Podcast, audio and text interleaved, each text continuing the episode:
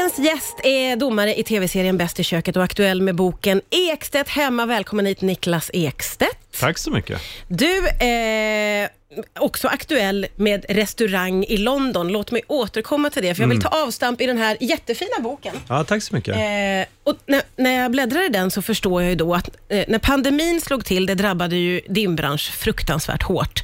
Och när du kom hem så lite upptäckte du att du var ingen hemmakock. Nej, jag var ganska dålig på det faktiskt. Men det här låter ju helt knasigt i mina öron. Ja. Vad, var det du upptäckte?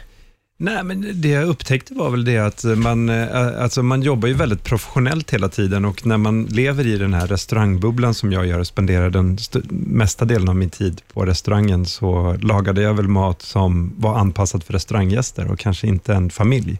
Och det jag märkte ganska snabbt när jag kom hem att det här måste gå fortare. Ah, du tog för lång tid på dig i köket. alldeles för lång tid. Det var ju liksom, jag hade, min fru hon, satt, hon hade ju dukat och satt och väntade på maten. Då var jag halvvägs innan det började med förrätterna.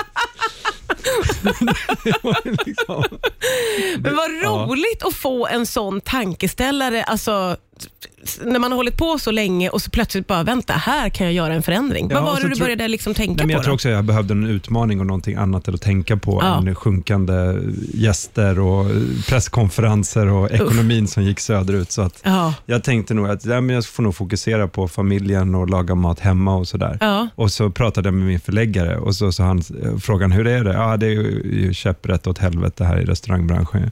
Men han bara, ja men det, det som går bra i din bokförsäljning, den tickar på. Jag bara, jaha.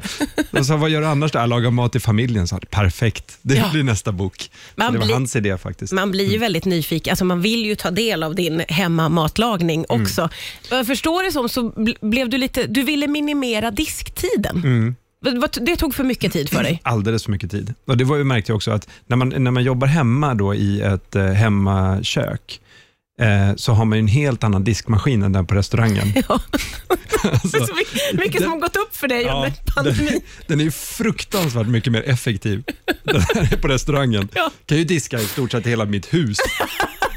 Och så var det inte hemma. nej, nej. Den att jag satt in och så kom det upp en timer, två timmar och 45 minuter. Jag, bara, jag trodde de menade två, minut, två och en halv minut. För det, nej, det var, Men Niklas, hade du aldrig varit i ditt eget kök innan? Nej, det är också...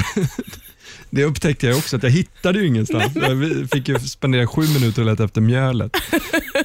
Så det, nej, det var ju många, mycket begränsningar. Så, nej, så att jag drog ju ner liksom på tiden och försökte tänka så här, men hur lagar man mat hemma mer effektivt? Hur gör man det smart? Hur gör man det på kort tid? Och jag tänkte så här, en halvtimme, Ja. det är liksom det är en eh, break it, make it point. Liksom, Ja, verkligen. Ja. För att stå så här, när, du vet, och så, så började jag använda alla mina böcker jag hade köpt som jag aldrig hade använt och fått och sådär via vänner. Så slog man upp de, de andra kollegornas kokböcker, då, professionella kockar, så började, första sidan. Börja med att marinera köttet två timmar och 45 minuter. nej, och så såg man nej. ungarna kom hem och kasta in gympaväskan. ja. Man tänkte, this ain't nej. gonna work. Det kommer inte att funka. Det kommer aldrig inte funka. att funka. Gud vad roligt koncept. Och Jag tycker du nämnde någonting under låten här nu som jag tror att många, många, många vuxna tampas med och det är att man ska laga mat och så ska man få alla att tycka om det. Ja, ja, det- det känns ofta omöjligt. Hur Verk- tänkte du där? Verkligen. Alltså, jag menar, det är ju mycket enklare att ha fyra matkritiker från Guide Michelin på krogen fyra småbarn. Ja. De är ju betydligt hårdare och Ja. krä- mer kräsna. Och, och Jag tror att det är många av oss som hamnar i fällan av att vi gör köttbullar och makaroner hela tiden för att vi är lite ängsliga. Ja, verkligen. Hur- Och man, och man, man, man tror, eller man, man, man har ju också lågt blodsocker själv, så man är själv hungrig, så man tänker Ja. ju inte klart. Nej, det är en är- rolig utmaning i köket. men det är det. Ja. Det, är en utmaning. Ja. Och det, det är en utmaning som alla har gemensamt, tror jag. Och någonting som man tänker på hela dagen och någonting som man verkligen vill få till. Mm. Men, men jag tycker nog personligen att ehm, det är inte så jäkla fel att vara lite tråkig ibland heller. Man får vara det. Absolut, självklart. Men däremot så kan man ju göra så att man kan ju pynta med lite roliga saker. Ja, ja, ja. Så ja. då kan man göra en tråkig rätt och sen kanske man kan ställa fram någonting lite roligt, men ingen större mängd. Nej. Så inte den stora mängden blir det som är själva måltiden. Ja, så smart. kan man utmana lite där. ja, just det. Ja. Just det. Det kan man göra. Du, eh, jag sa ju inledningsvis att du är aktuell i den här tv-serien Bäst i köket. Mm. Ja. Häromveckan var Tarek Taylor här Mm. och eh, han pratade ju väldigt gott om dig. Eh, Jag förstår det som att ni blev ett väldigt gott team. Ja. Att ni hittade varandra väldigt mycket under verkligen. den här inspelningen. Kände Det du var- samma? ja, men alltså, det är ju inte så svårt att hitta Tarek Taylor. Nej, det är inte det va?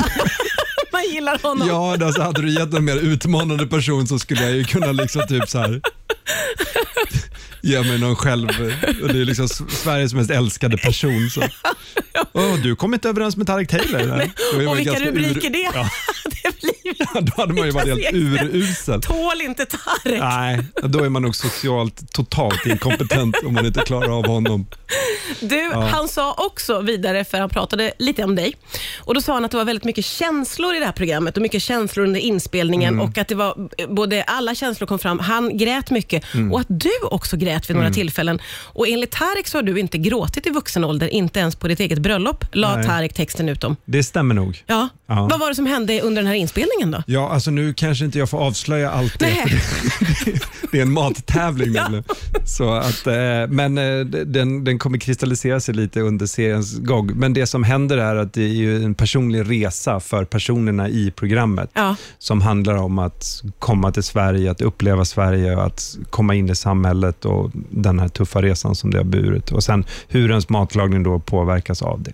Mm. Ja. Mm. Ja, jag tror redan jag har sagt för mycket faktiskt. Ja, jag, jag kan lägga ihop både ett och ett här ska jag säga, men det gör ingenting. Ja. Men var du beredd på att det skulle bli en nej. sån känslomässig nej, upplevelse? Var, nej, absolut inte. Jag var nog ganska... Alltså jag, var så här, jag hade nästan glömt bort det där uppdraget lite grann. Så jag, blev, jag var lite så här, öppnade restaurang i London och hade lite andra grejer på schemat. Och så satt man där helt plötsligt och blev väldigt så här tagen av allt, eh, av deras personliga resa och all, alla de här personliga berättelserna de hade. Ja, häftigt. De tävlande. Och Du har ju helt nyligen då slagit upp portarna till en restaurang i London. För mig mm. låter det otroligt maxat mm. att ens få möjligheten att göra det. Mm. Hur har det här varit för dig? Um, ja, men det har ju varit det, en av de största sakerna. Det har varit väldigt omtumlande. Därför kommer jag dels komma ur pandemin och sen så har jag gjort det här i Storbritannien precis efter de kommer ur sin lockdown. Mm. Så har det varit väldigt emotionellt för många att komma ut på krogen igen och mm. äta ute och också rent logistiskt lösa hela restaurangöppningen efter en sån här hård eh, period ja. i Storbritannien. Extra svårt och extra mycket jobb då, eller? Ja, det har varit det var ett otroligt problematiskt projekt på många sätt och vis. Och Sen så har man ju den här EU-utträdandet också, ja, det som de kallar för Brexit, just det. Eh, som inte har varit eh, fördelaktigt för någon egentligen som Nej. driver någon typ av verksamhet. Så det, det, har inte varit ett helt lätt projekt. Bra timing du har haft där. slog, slog det verkligen. Av alla, om man kollar liksom hela historien så är det förmodligen sedan 1942 den sämsta tiden att öppna restaurang. Men det har ändå gått bra för du har ju precis fått din första recension. Ja. Berätta om den som var eh, viktig vad jag förstår. Ja, absolut. Och I Storbritannien är det sånt att restaurang, alltså vi hade ju så förr i Sverige, kanske för 10-15 år sedan, att, res, alltså, att de här recensionerna, restaurang påverkade verkligen verksamheterna stenhårt. Idag är det inte lika viktigt längre på grund av eh, all, att man, alla är recensenter nu på mm, Tripadvisor ja, och Google och sådär. Mm. Men i Storbritannien är det otroligt viktigt, de här recensionerna. Och vi hade en jättefin recension i förra veckan. Och, ja, det är otroligt betydelsefullt. Mm. Så det, det, var väldigt skönt. Det kändes som en milstolpe i projektet och eh, nu kan jag gå vidare med, med, med fler grejer. Men vad är det för fler grejer du vill gå vidare med? Hur ser, vad, vad, hur ser dina framtidsplaner ut? Om du får drömma. Ja, alltså jag tror framförallt så, nu vill jag nog, nu har jag London och Stockholm som mina två restauranger eh, och, och så jag vill verkligen försöka utveckla dem ännu mer och slipa dem och att de ska bli ännu bättre. Eh, och sen kryddar jag det med lite, lite TV och lite böcker och sådär. Ja. Men jag vill inte, jag, alltså, jag är ju krögare.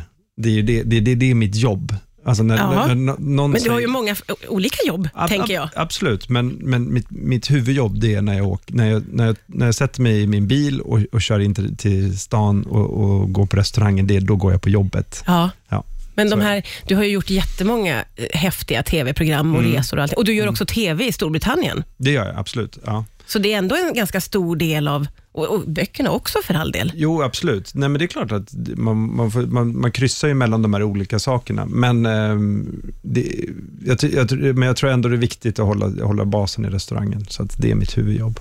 Men drömmer du då också om att få utöka med en restaurang i Paris eller New York? Eller? Nej, nej nu, är, nu är det stopp. Eh, Nej, är det I alla så? fall ett tag. Ja, jag tror att, nej, jag, alltså, så kul är det inte att flyga. Eh, så att jag, jag tror London Stockholm är, det är perfekt, det är lagom för mig. Det är två städer som jag tycker väldigt mycket om också. Jag gillar både Stockholm och London. Det är två städer som ger mig energi och jag, jag trivs väldigt bra. På vilket sätt är de två städerna olika? Eh, De är ju totalt olika skulle jag vilja säga. Så London är ju mycket högre puls. Alltså man känner så här, när man kommer till Stockholm så känner man så här, oj har det hänt något? Alltså, så här, nej just det, jag kom tillbaka till Stockholm. Ja. Det är så mycket mindre folk, det är lugnare tempo. Ehm, och eh, London har ju liksom ett, ett nattliv som är så, så otroligt eh, häftigt. Och speciellt nu efter pandemin så har ju Soho har ju varit, det är ju en klubb varenda kväll. Alltså det är sån enorm fart. Och eh, engelsmännen har ju verkligen vi- på nyfödda. Sådär. Ja, ro, Så- roligt att få ha en fot i båda städerna då, Ja, tänker jag. Verkligen. Det, det är kul. Det Ja. är superroligt. Det. Också superroligt att du tog dig tid att komma hit, när jag förstår att du har så mycket. Jag ska säga Ja, det, men var- alltså, Martina, du är, liksom, du är en del av att jag är en del. mig.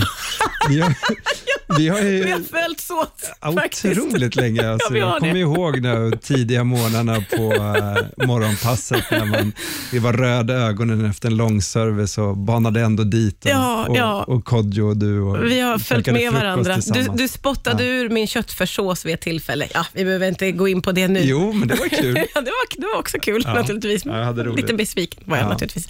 Jätteglad att du kom hit. Tack snälla. Boken Tack heter fick komma. Ekstedt hemma.